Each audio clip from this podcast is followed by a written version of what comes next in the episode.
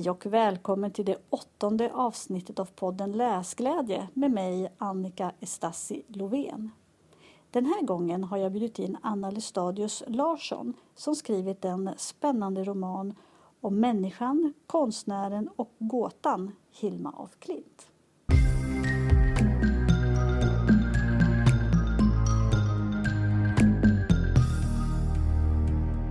Eh, jag har läst bildvetenskap på universitetet och är konstintresserad men jag hade helt missat den här stora utställningen, Hilma af Klint-utställningen på Moderna då, år 2013.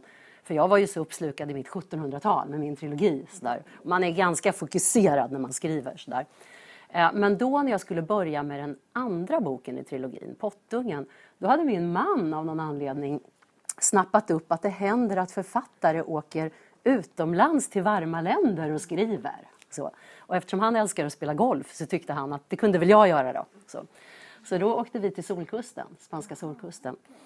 Och jag satte mig ner där och skulle börja skriva. Eh, och det var inte alls inspirerande med eh, ett eh, byte, liksom så geografiskt byte, utan det gick jättedåligt. Eh, det kom väldigt lite och det som kom var väldigt dåligt ur mitt tangentbord. Eh, och jag är ganska dålig på att ta ansvar för mina egna tillkortakommanden. Om jag säger. Så jag skyllde det där på Solkusten, att det var så himla hjärndött där. Va? Så här, eh, bara golf och soldyrkan och jag behövde ju inspiration då. Så då släpade jag med min golfspelande man till Picasso-museet i Malaga. För jag tänkte att Picasso skulle ge mig inspiration. Men då blev det ju inte Picasso då, utan för dit hade ju den här stora Hilma af Klint-utställningen från Moderna vandrat vidare. Så där var hela den utställningen. Så då klev jag in där och så fick jag den där upplevelsen. Det var liksom, jag blev helt bergtagen. Det bara kändes i kropp och det kändes i själ och jag visste nästan inte vad jag skulle ta vägen. Det var så starkt faktiskt. Mm. Fantastiskt. Mm. För att du, nu skriver du, vi pratade lite innan att nu skriver du på heltid kan man säga. Mm. Och, eh, och pratar om mina böcker också, ute mycket på bibliotek. Och För det är så det är, ni vet, att vara författare, man skriver men man är också ute och talar en hel del. Eh, för att eh, du är ju journalist och redaktör. Mm. Du, du I grunden, i botten, ja. I botten. Mm. Mm. Du har jobbat både på tidningar, tv-produktion mm. och du debuterade samma år som jag, 2013 mm. faktiskt. Mm. mm. Och det var ju med romanen Barnbruden. Mm. Och du pratade precis, du sa de här, den här trilogin. Mm. Och det är ju Barnbruden, det är Pottungen och sen så är det den tredje som, som är Rävhonan. Ja. ja. Mm. Och det 1700-tal. Mm, tidigt 1800-tal i Rävhonan ja, där. Ja. Men det är ju ändå gemensamt att det handlar om kvinnor. Ja. Varför då? Nej, men alltså jag har ju i min eh, journalistiska karriär också sysslat eh, lite brokigt. Jag gjorde Melodifestivalen ett år. Gjorde du? 2003. Det där bästa året, ni vet. Vem vann? Eh, Friends. Ja, Give me your love. Ja. Men det var också året när Jill Johnson slog igenom med Crazy in love i den där röda klänningen. Om ni kommer ihåg. Ja. Det var ett bra år. Den var väldigt, ja. just så, väldigt kort. Den var väldigt kort. Ja, kjolen sådär. Ja. Väldigt bra låt också. Mm. Så. Men eh, framförallt så har jag ju eh, sysslat med jämställdhet eh, som journalist. Eh, jag var ju chef på Aftonbladet Kvinna i några år där i slutet på 90-talet och skrev kolumner i Svenskan som handlar väldigt mycket om feminism och jämställdhet och sådär. Så att när jag då skulle börja skriva så Alltså, och så har jag ju ett brinnande historiskt intresse från när jag var nio år gammal. Mm. Sådär, jätteliten. Så jag har alltid älskat historia och framförallt 1700-talet. Mm. Så. Ehm, jag brukar ju säga att jag skriver her story. Så, för att vi har ju skrivit history så himla länge. Och då, nu är det dags för her story. Ah, så att det kan bli our story någon gång. Så, Men, så att det är ganska medvetet. Och jag, och jag skriver inte bara om mina huvudpersoner i mina böcker utan jag försöker också strössla med alla de kvinnor som faktiskt fanns i historien men har blivit bortglömda och bortgömda. Eh, som, som, de fanns inom alla områden eh, och i alla tider. Och sen så när man skrev ner historien så bara ansågs de inte viktiga och försvann. Så att nu försöker jag liksom skriva in dem igen. Som bikaraktärer, som en tavla på väggen, som en bok kanske eller sådär. Så det, det är lite ett kall, ska jag säga. Ja, för att jag tänkte, de där tre böckerna som du skrev, då, så, trilogin, de kom ut, det var 13, 14, 15. Ja, precis. Ja. Så jag tänkte, hade du ett liv under de här tre åren? Ja, men det var, ju inte, det var ju inte bara... Alltså jag, började, jag ramlade ju över historien kan man säga år 2006. Mm. Så, och tog, skrev om den faktiskt i en kolumn, eller jag skrev i en kolumn i Svenskan då. Det blir ju sommartorka för kolumnister också. Så jag skrev någon slags kåseri om mm. att ja, när jag var liten släpade min pappa runt mig i gamla kyrkor, medeltida kyrkor. Han älskade jag, min pappa, så jag har en stor vykortssamling med gamla medeltida kyrkor hemma. Så här, så. Eh, på samma sätt släpper jag nu runt min dotter i gamla 1700-talsslott för att jag någon gång drömmer om att skriva den historiska romanen, skrev jag sådär inom någon parentes. Och då tog Ann-Marie Skarp på Piratförlaget kontakt med mig, för hon läste mina kolumner och sa att om du skriver den där romanen då vill jag ge ut den. Så, så jag hade ett sånt muntligt löfte om det kan man säga med mig. Men sen jobbade jag ju på 2007 blev jag anställd som redaktionschef på tidningen Amelia. Och så jobbade jag där då i tre år. Men 2010 på våren sa jag upp mig för att börja skriva roman. Så det var en ganska lång process. Och mm, Barnbruden kom ut 2013 ja, så att jag, det var många års research. Och, mm. Nej, jag, jag, såg framför mig hur du, precis som Hilma, liksom gick helt in och skrev maniskt. ja. Men eh, så var det inte. Det låter i och för sig ganska skönt. Du, ja. du sa till mig också att du skriver långsamt. Ja, jag, jag är väldigt disciplinerad ja. är jag, liksom så när jag skriver. Men, men det går inte snabbt. Nej. Och jag har ett ett bekymrande starkt överjag som sitter och tittar på allting jag skriver och säger att det inte är bra mm. liksom hela tiden. Så, där. Så att jag är, kan man säga tvärtom mot Hilma, för Hilma hade ju en förmåga mm. att gå in i ett tillstånd av flow, kan man ju säga. Där hon kopplade bort överjaget och eh, fick kontakt liksom, med den här kreativa ådran. Liksom, kom i ett sånt kreativt tillstånd. Liksom, så. så jag skulle vilja lära mig det av Hilma. Så att kunna koppla in, på och av den känslan. Är du bra på det? Eh, ibland. Men alltså Hilma trodde ju på andarna. Mm. Och mm. det kanske hjälpte. Ja, kanske. kanske ja. mm. Men hur många av er har sett Hilmas konst? Ja. Ja, många. Ja. ja jag mm. tänkte att för att vi ska komma in liksom i det så kan vi visa lite bilder. Mm. Det var ju ungefär det där jag såg när jag klev in då där på Picasso-museet. Det där är sju av en serie som kallas för de tio största som Hilma målar. Det är nog hennes mest kända serie, eh, skulle jag säga. Den handlar om människans utveckling, eh, andliga utveckling från barnaåldern, ynglingaåren, mannadomen och ålderdomen. Den är uppdelad liksom i olika, olika färger, beskriver olika åldrar kan man säga. Men det här är ju då abstrakta tavlor, för det var ju det som var så himla häftigt då när jag kom in där och såg det. Det var ju inte bara tavlorna i sig som ju är nog så häftiga. De är 2,4 meter breda och 3,2 meter höga. De är gigantiska. Så. Eh, utan vad som var så häftigt var ju också att de målar ju de här abstrakta tavlorna eh, före de så kallade abstrakta pionjärerna. Alltså Malevich, Mondrian och Kandinsky. Flera år före dem målade hon de här. Och hon målar dem ju inte i något så här, när hon gör något som en kvinna aldrig, eller som någon aldrig har gjort tidigare, så gör hon det ju inte i något litet prövande, så här, trevande format direkt, utan hon gör det ju gigantiskt. Sådär, va? Och det är en tid när man då tyckte att kvinnor, kvinnliga konstnärer, eh, nog, alltså, de var nog okej på att avbilda saker. Men de kunde ju inte kreera någonting nytt för de ägde ju inget geni. Va? Till skillnad från männen då som gjorde det. Så. Och då gör de något som ingen annan har gjort. Sådär. Så väldigt häftigt. Så. Jag tänkte jag ska visa några fler bilder av henne. Det här är den första abstrakta tavlan hon målar. Det är en serie egentligen som heter Urkaos. Och det handlar då om, eh, ska då beskriva hur eh, allting skapades egentligen. Ande och materia, hur allting skapades. Liksom så. Eh, genom evolutionen. För det här beskriver då evolutionen egentligen, för det var Hilma väldigt intresserad av. Hur blev reaktionen på den tavlan? Alltså hon visade ju ingenting offentligt under sitt liv. Hon visade ju för människor som hade samma intressen som henne, alltså som var eh, intresserade av spiritualism och teosofi och antroposofi och sådär, men inte offentligt visade hon inte. Om hon hade visat den där 1906 skulle de, eller sina tio största, skulle de nog trott att hon var tokig. Mm. Då hade hon nog spärrats in, ja. tror jag. Ja.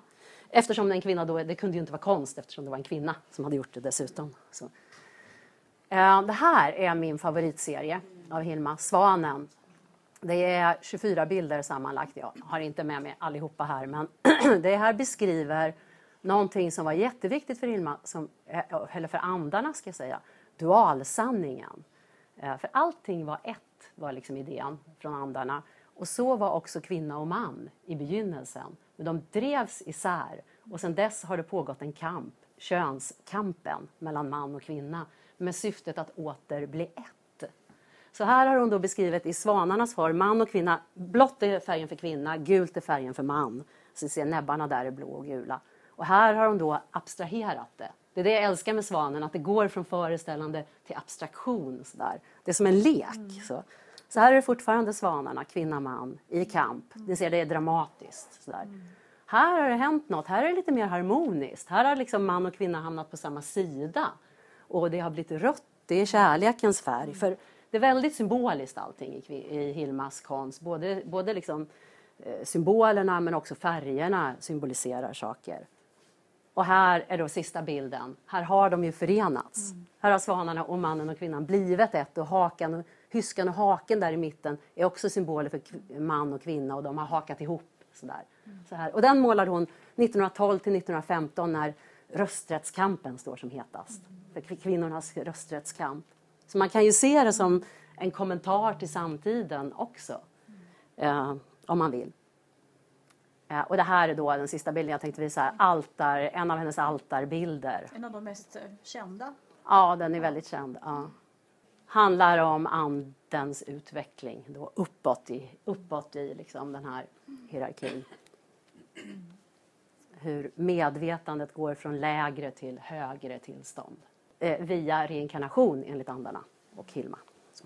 Mm. jag, läste att man, man har inte hittat skisser eller någonting så efter henne utan hon målade direkt. Ja, det är osant. Det finns, det, det finns skisser. Det finns det. Ja, ja. Och det finns ju dessutom, hon har ju skissblock och anteckningsblock. Det är 26 000 anteckningssidor som ja. hon har lämnat efter sig. Också med automatiska teckningar från deras seanser som hon höll med sin grupp, de fem då som hon mm. var med i. Mm. Eh, och de automatiska teckningarna, flera av dem kan man man kan känna igen mönstren i de tio största okay. av flera av de automatiska teckningarna. Så att det började där liksom, och sen överfördes det in i de här stora konstverken. Och det finns skisser. Det gör det? Ja, ja, ja. ja. för, det, nej, för det jag läste då att vi har varit, mm. jag blev så imponerad att hon hade de här jättearken ja. och sen så bara ja. målade nej, nej, nej, för hon skriver ju det själv. Hon kallar ju sitt sätt att måla mediumistiskt och, och skriver att det är andarna som för penseln. Sådär. Mm. Men om man tittar på de tio största alla är skarvade på ett exakt samma ställe. För det fanns inte så breda målarpapper på den här tiden. Så att det har ju föregåtts av, av för, alltså förberedelser och planering. Och i de stora cirklarna på flera ställen finns det spår av passare. Och då kan man ju tycka att om det var andarna som höll i så kanske man inte behövde en passare, jag vet inte. Så nej, det, det har planerats. Man kan inte måla sånt där utan att planera. Och det är jättemycket färg som har gått åt som man måste förbereda och införskaffa. Och Men är det inte så att det tillhör myten lite grann? Jo, det finns mycket myter om Hilma. Ja, för jag menar, du, du mm. kallar ju din, bo, din, båt, din bok för, för gåtan, ja, Hilma. Och varför just en gåta? Ja, men hon är väldigt gåtfull och, och det var Alltså det var ju det jag ville lösa egentligen då när jag såg det för första gången så kände jag att jag vill ta reda på vem är vem är människan? Mm. Liksom, vem var människan som gjorde det här? Alltså människan. Sådär. Det ju, har skrivits en hel del om hennes konst, men vem var hon som person? Så. Och när jag då skulle börja researcha, jag har gjort så mycket research mm. till min trilogi, jag är ju van vid det. Men det var väldigt svårt med Hilma för att det är nästan som att hon på flit har raderat ut allting privat ifrån sina minnen. Hon har lämnat sina verk och sina okulta anteckningar efter sig, men nästan ingenting privat. Men du skriver i boken också att hon, mm. att, uh, hon bestämmer sig för att bränna... Ja, det, är min, det blir ju för det är ju en roman. Jag har ju inte skrivit en biografi. Jag har ju skrivit, det måste man komma ihåg, det är en mm. roman. Mm. Liksom så. så att jag har ju tagit mig... Jag har ju tolkat Hilma i den här boken, vad, vad, som jag tror att det eh, gick till, eller som det kunde ha gått till, kan man säga. Så. Men jag har ju då ringat in henne via tiden hon levde i, men också de människor hon umgicks med. Ehm, för, för, andra människor lämnar ju spår. Man kan ju hitta, som jag hittade dagboksanteckningar hos Ottilia Adelborg som var en samtida konstnär och studiekamrat till Hilma på Konstakademin. Där stod det ju så här vid 1904, Hilma var här uppe, hon bodde i Gagnef då, Ottilia. Hilma var här uppe eh, Hilma var och hälsade på, vi målade som tokiga, skrev hon sådär. Och, eh, och Hilma pratade hela tiden om andevärlden och inte kan, visst är det intressant med spiritism men inte kan jag tro på det där eller någonting sådär skrev hon. Sådär. Så man hittar ju spår ändå. Liksom, sådär. Ja, så, får man, ja. så det är så jag ja, har gått tillväga. Jag tänkte vi ska gå tillbaka mm. och prata lite mer om, om, om Hilma mm. och Hilmas liv. Ja. Hilma bråkade ju med oss förresten när vi skulle eh, när vi tryckte omslaget så blev Hilma, bilden på Hilma blev jättemörk. Ja, så att, ehm, och hon var ju så privat och jag, alltså hon ville ju inte framstå som personen utan det var verket som skulle framstå, mm. får man ju känslan av med Hilma. Så jag tänkte att nu är hon här och spökar. Så här, nu har hon gjort sig själv mörk så vi fick trycka om alla omslagen. Alla, ja. Så att hon blev... Men då eh, blev hon ju som hon skulle så då tänker jag att hon kanske har förlikat sig med idén att hon ska liksom lyftas fram nu. Hon ville ju inte ställas ut, mm. hon var ju väldigt privat hon var en kvinna före sin tid och det var ju en spännande tid som hon levde i, väldigt omvälvande. Det hände ju en massa saker Absolut, där i, ja. i förra mm. sekelskiftet. Ja. Berätta lite grann hur det började för Hilma. Det här, andarna är en sak, men det här med konstnärskapet. Mm. Jag ska först bara säga att, att hon ställde ju ut. Eh, men hon ställde ju inte ut sina abstrakta och kulta verk. För att hon, hon var ju en yrkesverksam konstnär. Som, ja, och landskapsmåleri och sådär. Så det ställde hon ju ut. Och hon var ju representerad på den baltiska utställningen, jag tror det var 1914. Okay. Samtidigt som Kandinsky faktiskt eh, ställde ut ett av sina abstrakta verk mm. på den utställningen. Så, så, att, så att, och hon eh, figurerar ju i en del tidningsnotiser mm. och sådär. Så helt okänd var hon ju inte. Men, men inte för det här var hon inte känd för. Nej. Eh, nej men Hilma, alltså frågan var hur hon kom in på konstnärskapet. Mm. Alltså, Hilma var född i en eh, sjöofficerfamilj. Hon föddes på Karlbergs slott i Stockholm. Hennes pappa var lärare för sjökadetterna där. Eh, det var en adlig familj. Den var adlad efter det sista ryska kriget men det var ingen förmögen familj utan det var en välbärgad familj kan man väl säga. Eh, och det eh, berättar jag för att det hade betydelse för att det här var en tid där det rådde ett jättestort kvinnoöverskott i Sverige. Eh, och det var ett samhällsproblem. Mm. För det, kvinnor hade ju inga rättigheter på den här tiden. Hilma föddes 1862. Eh, och det innebar att man hade ju då i familjerna, eh, i många familjer, alltså vuxna omyndiga döttrar som familjen hade försörjningsansvaret för. Och det höll inte. Så man bara tvungen att öppna upp lite för kvinnorna. Mm. Så två år efter att Hilma föddes så blev ogifta kvinnor myndiga vid 25 års ålder. Mm. och sen så eh, var man ju då tvungen, det hjälpte ju inte för de var ju tvungna att få syssla med någonting. Så, och då öppnade man upp lite utbildningar och lite yrken som tidigare hade varit stängt för kvinnor. Och en av de utbildningar som öppnades var Konstakademin. Uh, så det, på den vägen var det då. Blev det, det blev möjligt liksom att gå där för kvinnorna. Men de fick ju gå på fruntimmersavdelningen. De fick inte studera med männen. Man, eh, tyckte, ja, man ansåg att eh, om man skulle samundervisa då skulle ju männen tappa allt fokus. Hela sin, de skulle inte kunna koncentrera sig. Så. Ja. ja, det har, vi, det har ju visat sig rätt numera kanske. Men, men alltså, de fick gå på en egen sluten avdelning då, men de fick i princip samma undervisning. Mm. Så Hilma gick där på 1880-talet och hon gick där tillsammans med andra konstnärer som Hanna Hirsch Pauli och Eva Bonnier som ju är mm. namnstarka idag ja, och figurerar i romanen. Ja, och, sådär, ja. och hon gick där länge. Ja, hon gick ju där, fem år var utbildningen men Hilma gick väl där i sex år tror jag. så det berodde lite på ja, hur du tog dina kurser och sådär. Och eh, hade sin pappas eh, stöd Ja, ja precis. I, i, mm, eh, det är ju en roman det här. Mm. Det, ja, det, vet jag inte om hon hade men vad man, vet, är att hon, vad man vet är att hon hade en, eh, en varm känsla inför sin far. Så, och eh, man behövde nog ha sin fars stöd för att kunna få göra det här på den tiden. Så, mm. Jag ska säga då att varför, det var, varför Konstakademin också var... Dels var hon ju såklart konstnärlig och, eh, sen tidig ålder så, men det var också eh, ett yrke som så här fina fröknar kunde ha. De kunde vara liksom teckningslärare. Så det var, idén var nog att hon skulle bli en teckningslärare för liksom andra överklassflickor. Det var nog idén med det här egentligen. Inte att hon skulle börja måla de här konstiga verken. Eh, var hon samtida med Karin Larsson? Ja, det var hon också. De gick inte samtidigt på, de gick inte på Konstakademin ihop, men hon var samtida med henne. Ja. Mm. Och hon drömde om Paris enligt romanen, Mhm, men, ja, men, mm. men hon kom inte iväg. Nej, många kvinnor gjorde ju det. Det det är det som är så himla häftigt också med den här tiden. Alltså 1880-talet brukar man säga var lite av en guldera för kvinnorna. För nu hade ju det där fönstret öppnats. Alltså alla de här nya möjligheterna. Och, och många kvinnor tog ju dem då. Och I slutet på 1800-talet var det faktiskt ett 50-tal svenska konstnärinnor som åkte till Paris för att vidareutbilda sig efter de var klara i, i Sverige. Då. Så, men inte Hilma. Nej. Men vem köpte all konst?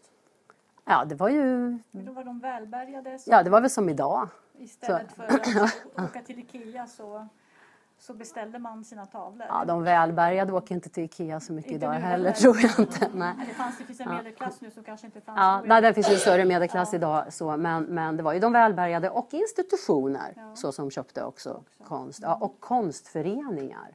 För det har jag hittat notiser av att konstföreningar köpt Hilmas konst då, och sådär. Men porträtt var väl vanligt att man beställde? Absolut, hon målade ju såna här professorer vid Uppsala universitet har hon målat ett par stycken som jag hittat och sådär, som var beställningsarbete då. Hur var hon som porträttmålerska? Det helt okej. liksom. det, det, det, ja, men det, hon, är ju, man, alltså hon är ju en utbildad konstnär, hon kan sin sak och landskapen också men det är inte något speciellt när man tittar på dem. Det kan vara Men hon la inte ner sin själ i det heller. Nej, nej, så det var det hon sen i, de, i den andra, de andra målningarna. Mm. Eh, hon, sen, när man pratar om Hilma så måste man prata om det här med andarna och eh, hela den Mm. som vi idag skulle säga lite new age-rörelsen. Det var ju Mm. också speciellt. Ja, gud ja. ja. Vad, kan du berätta om det? För det måste du också ha forskat mycket om. Jo, ja det har jag. Och det var ju en helt ny värld för mig. Jag är ju en icke-troende människa. Så, eh, jag har väl kanske varit lite intresserad. Jag vet att när jag var yngre så läste jag böcker om såna här eh, nära döden-upplevelser och sånt där som kom då när jag var i 20-årsåldern. Så där var det ganska poppis. Det vet jag att jag läste och fascinerades av. Så där. Men, Eh, ja, vad ska man säga så här? Eh, alltså det var en tid, om man bara ska grunda för det, varför, för det är ju ganska konstigt kan man ju många tycka då. Så. Men alltså det sena 1800-talet var en tid av extrema samhällsförändringar. Eh, samhället eh, förändrades i en rasande takt, industrialiseringen, urbaniseringen, massproduktion, konsumism, det hade börjat öppna varuhus, började öppnas och sådär. Eh, folk tyckte att det gick rasande snabbt och, och, så att de inte hängde med. Och samtidigt var det väldigt ytligt och materiellt allting.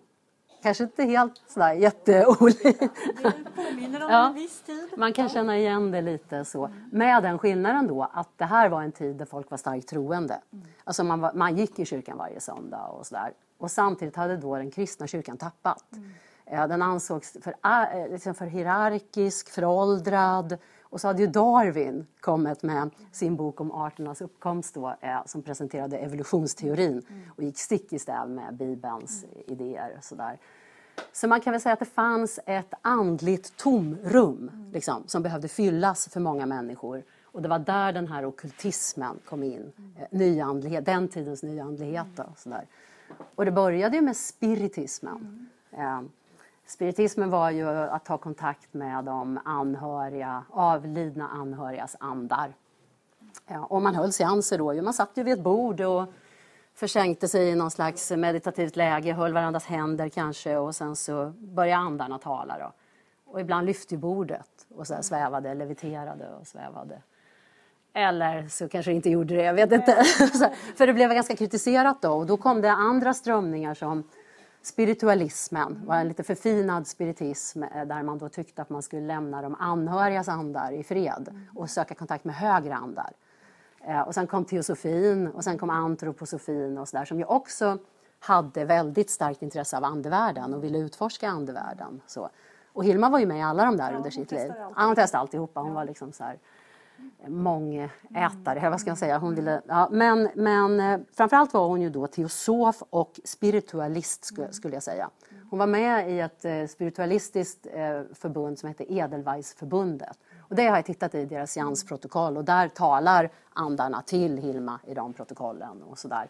Oj, var hittar man sådana protokoll? Ja, hos Edelweissförbundet då. Ja, det- som det då finns fortfarande. mm, Alltså det är ju ärvt, Monica von Rosen heter den kvinnan som äh, äger det nu. Hon är konstnär okay. och hon är då äh, arvtagerska till de kvinnorna. För det var, det var, ofta kvinnor som var ledare i de här rörelserna. Så det var i den här tiden som var misogyn så var det här ett område där kvinnorna kunde liksom ta ledande positioner. För kvinnor ansågs vara mer mediala än män. Mm. Så, så, det var ofta kvinnor, och väldigt starka kvinnor. Och mm. Den som ledde Edelweissförbundet när Hilma var med hette Huldin Fock. Hon blev mamma till Karin Göring som gifte sig Göring. Så Och det är därifrån eh, Monica från Rosen härstammar då. Liksom så.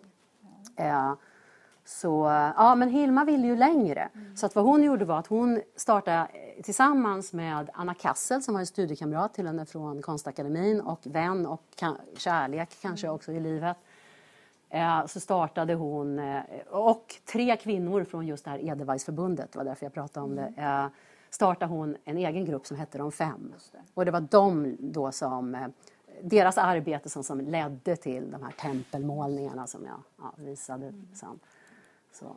Vad de gjorde var att de, alltså de träffades under en tioårsperiod. Mm. Så träffades de minst en gång i veckan eh, och höll seanser och fick kontakt med de höga mästarna. Alltså de högsta, på samma nivå som Jesus och Buddha och så upp i andevärlden. Mm. Och det var deras budskap som förmedlades till dem då.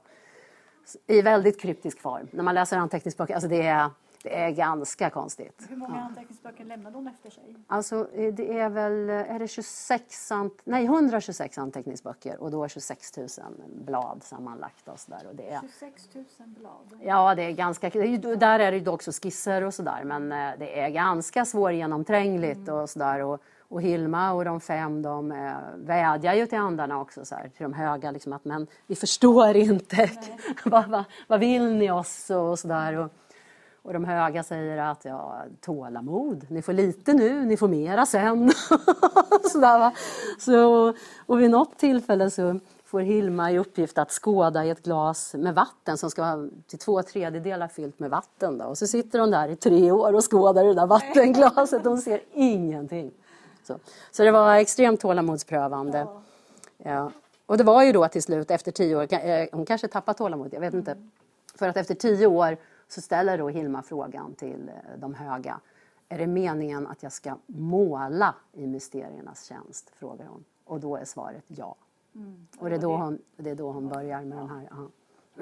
Mm. Det är då som de fantastiska målningarna kommer. Ja, för, för då har det visat sig att det, att det mänskliga språket är då för fattigt för att kunna förmedla det andarna försöker säga och då prövar man ett nytt språk som är konstens språk en liten parentes där. Hon hade ju en eh, lärarinna som mm. hette Anna Whitlock. Ja, alltså i min roman har hon en sån. Hon gick på den skolan. På den ja. Mm. Alltså, parentesen är att mm. vi, våra gamla lokaler, vi satt många år, det är ju gamla Whitlockska samskolan. Ja.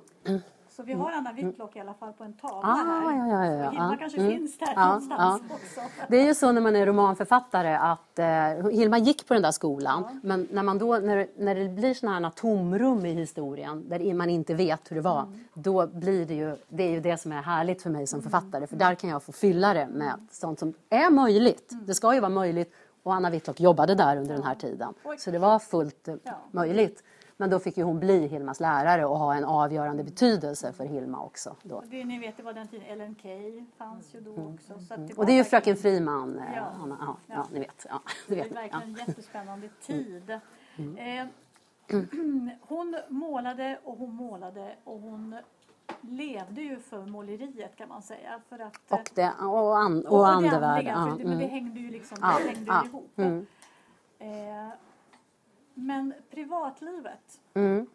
Du har ju skildrat hennes privatliv i alla fall som du tror mm. att det var mm. så. Mm.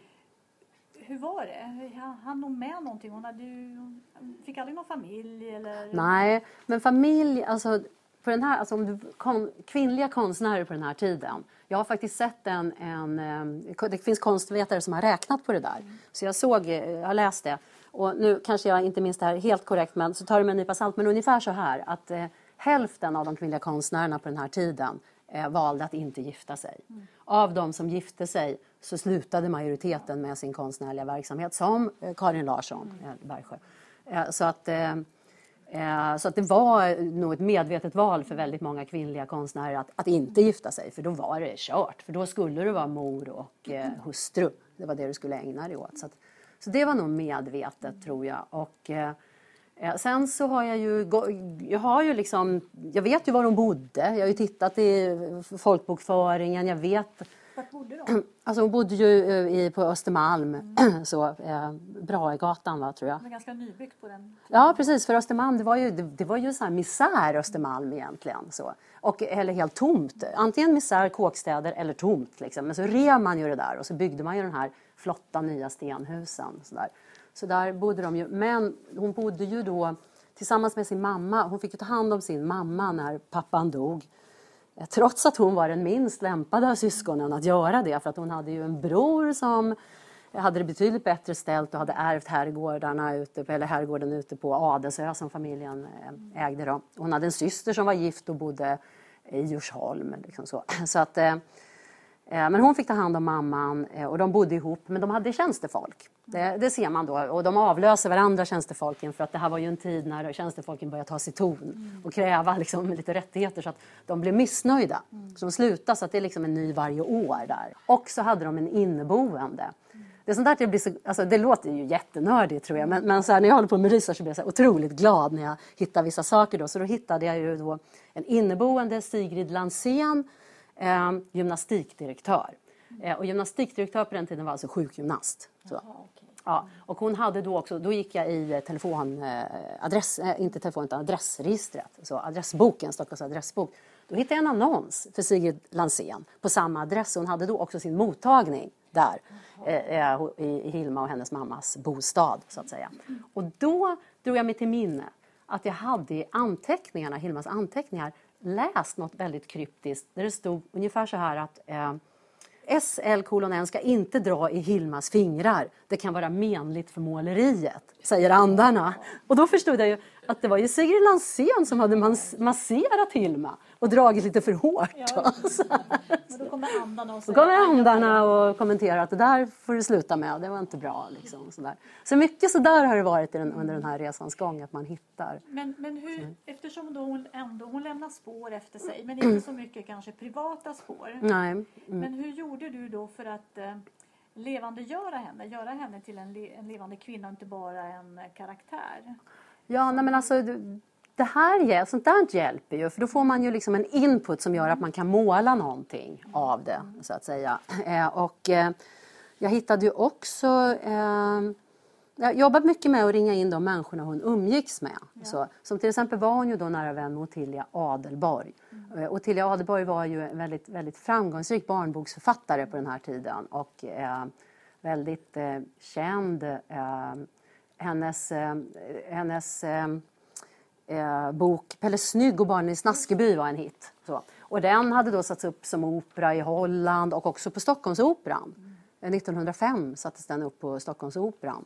Och då hittade jag, vad som är så himla roligt är att jag hittade en bild i tidningen Idun. Ett stort reportage om Ottilias 50-årsfest. Och då är det en bild på massa fruntimmer som står där. Alla har daldräkter för de ska hylla, det är någon slags maskerad, men alla har daldräkter så att de ska hylla Gagnef och folkkonsten sådär utom en som har någon slags eh, clownkostym då. Och det är Hilma, står i vit sån här Kasper-kostym. Du skriver om Ja, hon, men hon är utklädd till Pelle Snygg va? Ja. Så, för hon har ju gått och lånat eller hyrt den där dräkten på, på Operan i Stockholm för att klä ut sig till Pelle Snygg. Sådär. Så, hon var den enda som var sådär? Ja, ja som var helt apart, sticker helt ut på det där fotot. Ja, men sånt där gör ju att man liksom bildar sig en uppfattning om personen, vem hon var och, och sådär. Så att, eh, Tror du att hon var rolig? Jag tror hon hade humor. Det, det har ju då, det, vad som är också, det finns ju traderat om Hilma, ska jag säga. Alltså hennes, eh, hon lämnade ju sin konst till sin brorson så småningom, eh, Erik. Och han har ju då berättat och skrivit ner sin uppfattning om Hilma. Och det finns också från en antroposof som, som träffade henne sent i livet då eh, och också såg konsten. Olof Sundström heter han, eller hette han. Han har också skrivit ner sin bild av Hilma och då skriver de ju att hon hon skriver att hon var väldigt, det fanns inte ett uns av galenskap i henne. Nej. Hon var väldigt, väldigt sansad och så, men hon hade också ett stråk av liksom en kärv humor. Liksom, sådär, så. Ja, och, och, så det, det, finns ju, men det är ju traderat, mm. så kan man säga. Då. Eller det är ju, ned, det är ju nedskrivet. Mm. Sen finns det ju saker som då är berättade och sen så förändras ju saker också sådär. Som till exempel så står det ju i nästan varenda artikel om Hilma står det att hon skrev i sitt testamente att hennes konst inte fick visas förrän 20 mm. år efter hennes död. Mm. Det står inte i hennes testamente. Det är så? Nej. Det är ytterligare en myt. Så att det, men hon har förmodligen sagt det ja. till Erik då. Ja. Ja, ja sådär. Så att det, ja. Nej, för det var precis det var så, så jag uppfattade det också. Att, ja, nej, men det, jag har lästt det, det står det inte står där. Inte det. Nej. för att andarna ansåg att eh, samtiden var inte mogen, det skulle dröja länge innan man var mogen för den. Så ja, precis. Så det, på, på sätt och vis var det ju sant. Men, ja, ja. Men, men hon sa nog det till Erik mm. så, men, men det finns inte nedskrivet. Nej, mm. Jaha, vad intressant. Mm. Det här med Rudolf Steiner, ja. hon, eh, i din bok så skriver du då att hon eh, ja. Ja, ja, ja. ja. Hon blir lite ratad också. Ja. Har du något belägg mm. eller? Nej, men alltså hon, man vet att hon träffade Rudolf Steiner eh, flera gånger. Så, eh, första gången 1908 då, eh, när han var i Stockholm på besök. Och han var inte uppmuntrande. Eh, hon målade ju eh, enligt honom på fel sätt. Så. Jag tror att 1908, då hade ju inte han utvecklat sin idé om vått i vått än. Men då, min känsla är ju att han kände sig lite hotad. Eh, Eh, av det här. För att han var ju väldigt konstintresserad och så hade hon ju gjort någonting som var, and, alltså det var uppenbart andligt det här.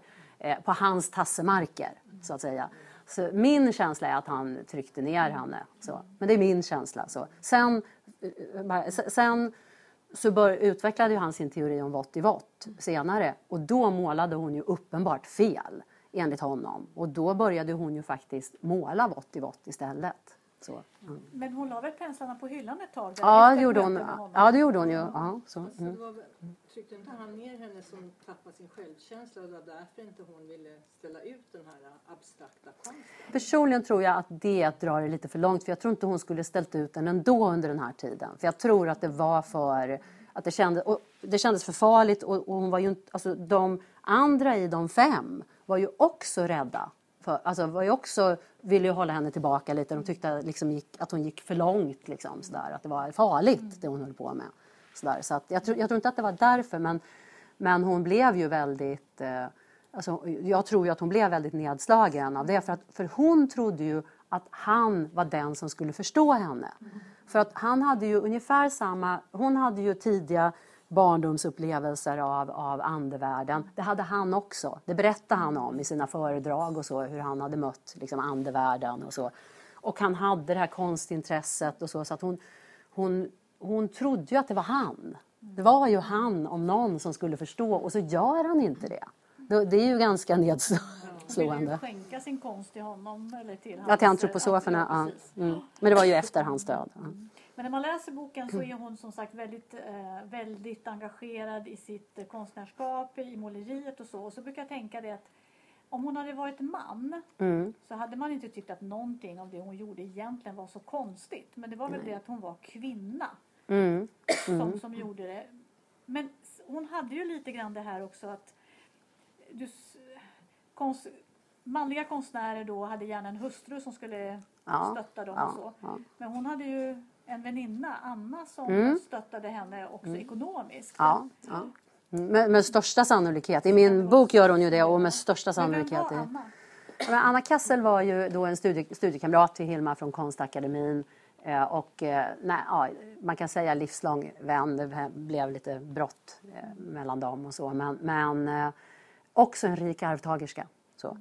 Hennes pappa var så här brukspatron och, och, så hon hade, hade, hon hade ärvt massa pengar från ett, eh, jag tror det var ett järnbruk eller sådär. Eh, eh, och, så att hon hade ju råd helt enkelt att, att dels finansiera konsten men också så bygg, hon köpte ju ett hus till Hilma ute på Munsö vid färjelägret. där Färjan går över till Adelsö. På Adelsö hade familjen av Klint två herrgårdar. Mälaren? Ja, Mälaren, precis. Eh, och där köpte då eh, eh, Anna ett hus till Hilma eh, som hette Villa Furuheim, mm. precis vid färjelägret. Och så byggde hon en ateljé, en stor ateljé där i princip alla tempelmålningarna kunde hänga. Man kallar de tavlor som Hilma målar från 1906 till 1915, det är 193 tavlor, det är liksom det centrala verket, de kallas för tempelmålningarna. De kallas för det för att andarna hade lovat henne ett tempel, men det fick hon inte. Så Anna byggde istället det temporära templet, ateljén där ute på Munsö. Då. Så där hängde de ju, dit återvände ju Hilma varje sommar och satt där bland, sina, bland verket och ja, försökte förstå exakt vad det var hon hade varit med om och, och sådär. Men det var ett problem då för att det var ju byggt på ofri grund, både huset och, eh, och ateljén. Och den nya unga friherren ville riva det. Så, när Hilma skulle dö då visste hon då rivs alltihopa. Ja. Så här, då försvinner allt. Mm. Om ingen tar hand om verket. Men hur, hur länge höll hon på med sitt konstnärskap? hon höll nog på nästan fram till sin död. Alltså, så här. Hon, hon blev på, gammal. Ja, hon blev gammal och hon målade mycket så här vått i vått och också så andar som kommer fram ur vått i vått och sånt där. Men också jättefina blomstudier, mm. så här, akvareller och sådär. Där hon då också tog ut de andliga riktlinjerna i växterna. Så där. Mm. Så, ja hon övergav egentligen aldrig detta med andlighet. Nej, det gjorde hon inte. Det Nej. fanns hos henne hela Ja, det fanns hela tiden. Hela livet. Hon mm. började redan som liten där. Du skriver, är det på riktigt eller är det också att du har inte hittat på? Men ja, en del har jag hittat på. Ja. Men, men det här med att hon skulle ha fallit och uh, slagit i huvudet som barn och så? Ja, det vet jag inte. Men att hon hade tidiga barnupplevelser. Ja. Ja, Ja men det är mm. jätteroligt. Alltså det är det som, mm. är, som jag uppskattar när jag läser den. Det är just att du tar dig vissa friheter. Det, ja, men liksom... det är ju roman. Ja, det är det är ju, hade jag inte gjort det då hade det blivit en faktabok. Ja och det är det som gör att det blir spännande att läsa den också. För den är, ju, den är ju spännande, den är intressant. Det är väldigt mycket just om om det här med andarna och budskapet som hon får av dem hela tiden och så. Ja. Hur tänkte du där? Tänkte, tänkte du att du måste ha en, en balans, att du inte skrämmer bort vissa läsare? Ja, ja det, absolut. Eh, och samtidigt så måste jag ju eh, eh, också förmedla vad det handlade om. Vad, vad det är de, hur, det kan låta när andarna berättar. Liksom, sådär. Och det är ganska ogenomträngligt. Eh, jag har ändå försökt att göra det så lätt ja, som det går. Jag har inte tagit de svåraste partierna. Sådär. Men, så det har jag ju velat göra. Och jag vill också, har också haft en Alltså, I början hade jag nästan lite för stor respekt för Hilma. Jag har haft en väldig respekt för henne för att jag har inte velat att hon ska framstå som en knasboll. Jag skulle bara säga, jag kom på, ibland när man börjar prata om någonting så, så blir jag som min mamma. Min mamma är expert på att börja prata om någonting så hamnar hon någon helt annanstans. än, ja, så förstår man inte riktigt var man är på väg. Sådär. Jag ville bara säga det om, om Adelborg där, Ottilia. För vad jag skulle säga där på den frågan var att att Ottilia hade en syster som hette Gertrud Adelborg och hon var en av de främsta rösträttskämparna. Eh, hon uppvaktade både statsministern och kungen för, för kvinnornas rösträtt. Eh, och hon var också en av de ledande i Fredrika Bremer-förbundet. Så Hilma hade ju koppling in i den rörelsen. Eh, så det föll sig ganska naturligt för mig att hon, hon, hon, alltså hon är en del av den tiden och den rörelsen men hon tolkar det på sitt sätt. Mm. I min värld i Svanen. Jag läste hur, hur många tusen verk som helst låter 12, 1200, ja, ungefär lite drygt tror jag. Eh, men mm. men var, varför var hon allting? Var det i, i det där huset som Anna byggde åt henne? Ja, alltså eh, förmodligen lite eh, i sin bostad också då mm. liksom, blandat. Men det mesta i ateljén tror jag. Ja. För jag tänker att det är ouppvärmt och det blir mm. fuktigt. Ja visst, absolut. Och, ja. Men har det mm. påverkat när man, tar, alltså när man eh, titta på dem sen? Eller de... Alltså det var, ju, det var inte nog med det ju, för att sen tog ju Erik, hennes brorson, som sen tog hand om det då när det var så skarpt läge. Ingen, antroposoferna överallt var helt ointresserade så till slut vädjade hon då till Erik, det är så min bok är uppbyggd, min roman, att Hilma sitter där i sin ateljé och hon vet att det kommer mm. rivas. Eh, hon känner ingen längre, alla är döda, hon blir gammal. Liksom, så där. Och då har hon en sista chans att vädja till sin brorson. Så att då ska hon berätta hela sitt liv för honom ja, och, och, allt hon har varit med om för att han ska liksom vilja ta hand om det. Och det gör han ju, men vad han gör är att han tillverkar ju då lådor ute på Tofta eh, och sen så rullar han ihop med den här Olof Sundström då som hjälpte till ihop alla de här dukarna och forslar dem till vinden på Karlavägen där han bor. Och där ligger de i 22 år, i liksom så här minus 30, plus 30 där uppe på vinden. Så, där, så att, så det, de höll för det också. Fantastiskt. Ja, så det var ju, ja. Så vad hände mm. sen då efter, vad sa du, hur länge var de där uppe på 22 år. 22 år. Ja, 1966 när jag föddes så ja. packade de upp dem. Vem det? Var det... Ja, Erik, Erik då och hans son så, Johan. Ja. Ja. Johan har då varit eh, behjälplig för mig i mitt arbete. Vä väldigt vänlig och tillmötesgående och sådär. Fick också läsa manus mm. först kan man säga. Mm. Eller efter min förläggare. Ja. Så, ja. Ehm, så han var ju med då, han hade precis gått ut universitetet, eh, var med upp där och så rullade de ut dem eh, och eh, tog diabilder på dem. Och så gick Erik till Moderna Museet och Nationalmuseum och frågade om de ville ta hand om verken. Det ville de inte.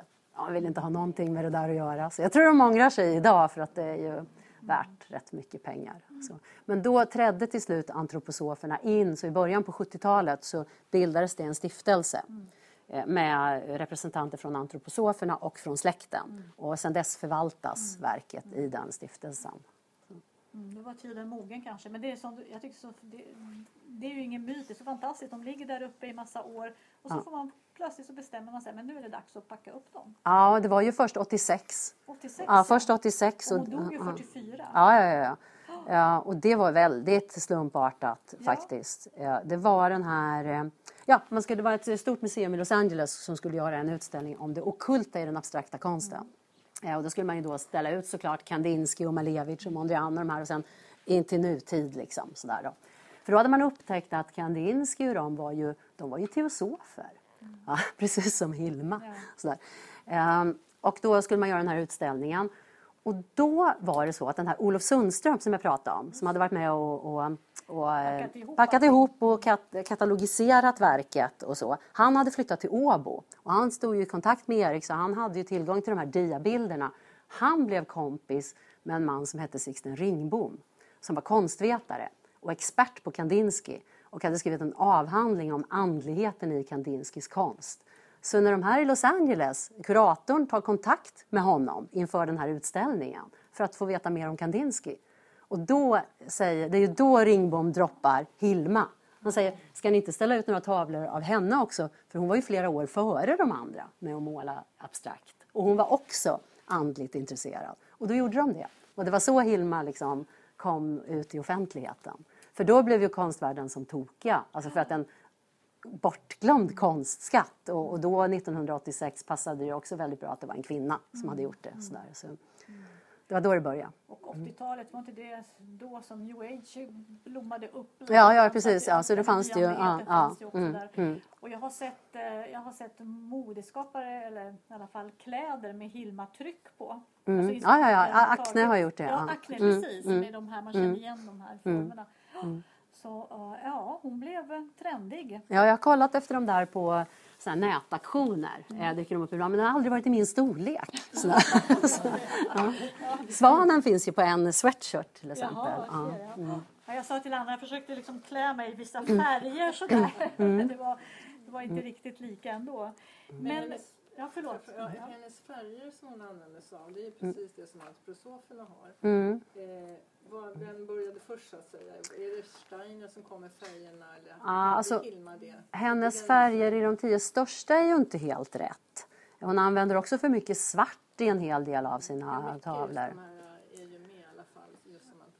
Ja, men hon målar ju... Det var nog helt Hilma och det är ju andarna som berättar för Hilma. De berättar ju exakta mått på tavlorna.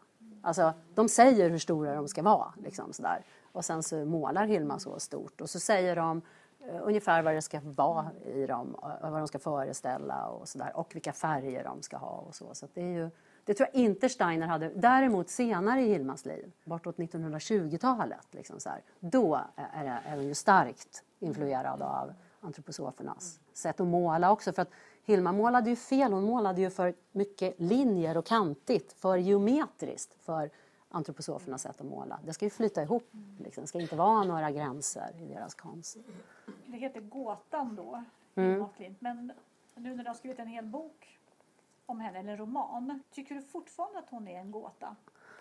Nej, men hon är ju mer tydlig nu, så. det är hon ju absolut. så. Men eh, det, det, finns ju alltså det finns ju ändå, tycker jag, frågor kanske. Men det är framförallt liksom i, med, med, med det andliga som, som inte riktigt... Jag kan inte riktigt tränga in i det.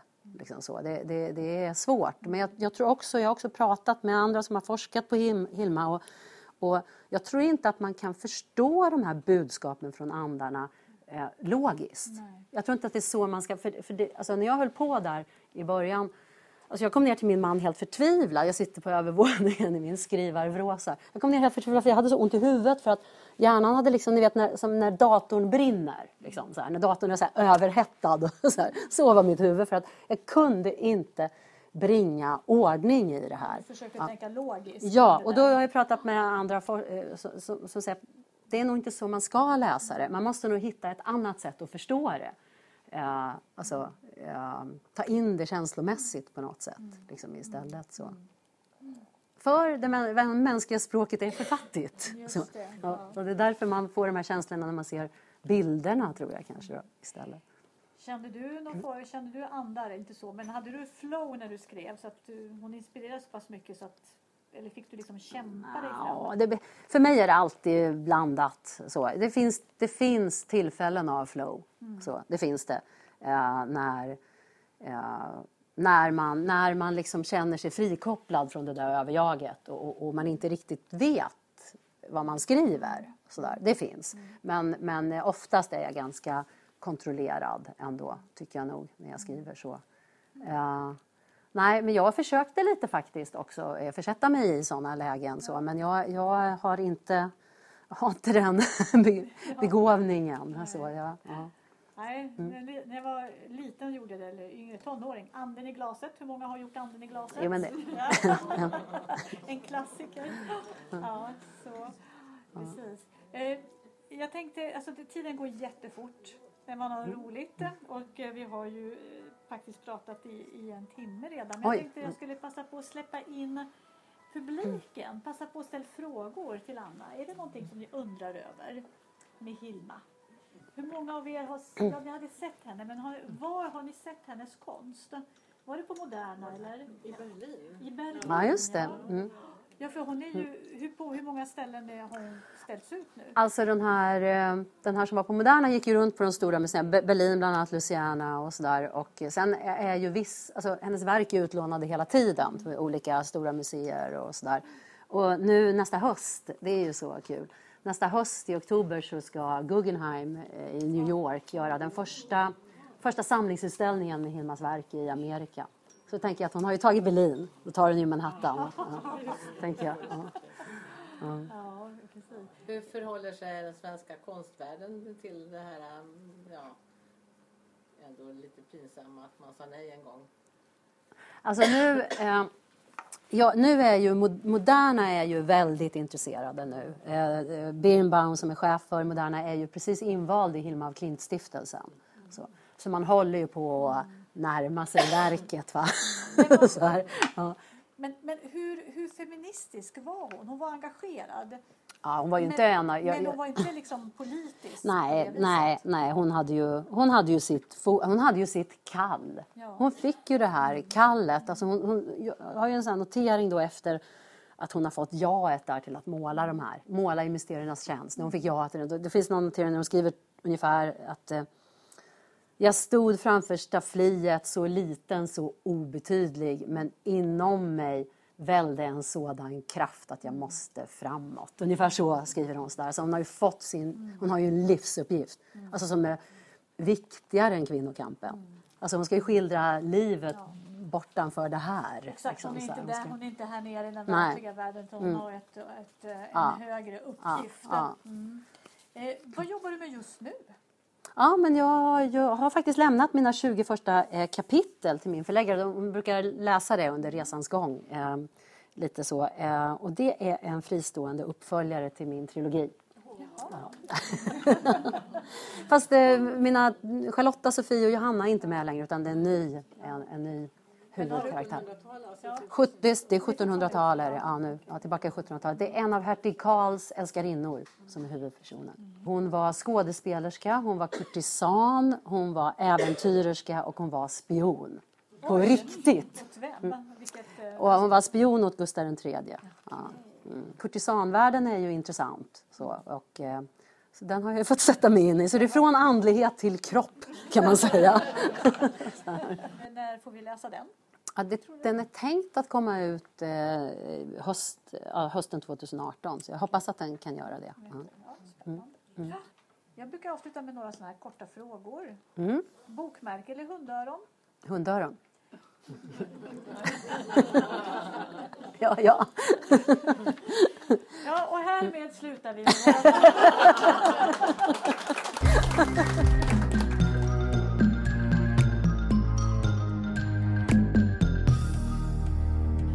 Du har lyssnat till podden Läsglädje med mig, Annika Estasiloven, i samtal med Anna Lestadius Larsson. Nästa gång, som blir det nionde avsnittet, ska jag få träffa Solja Krapu Kallio, estradör, poet och författare.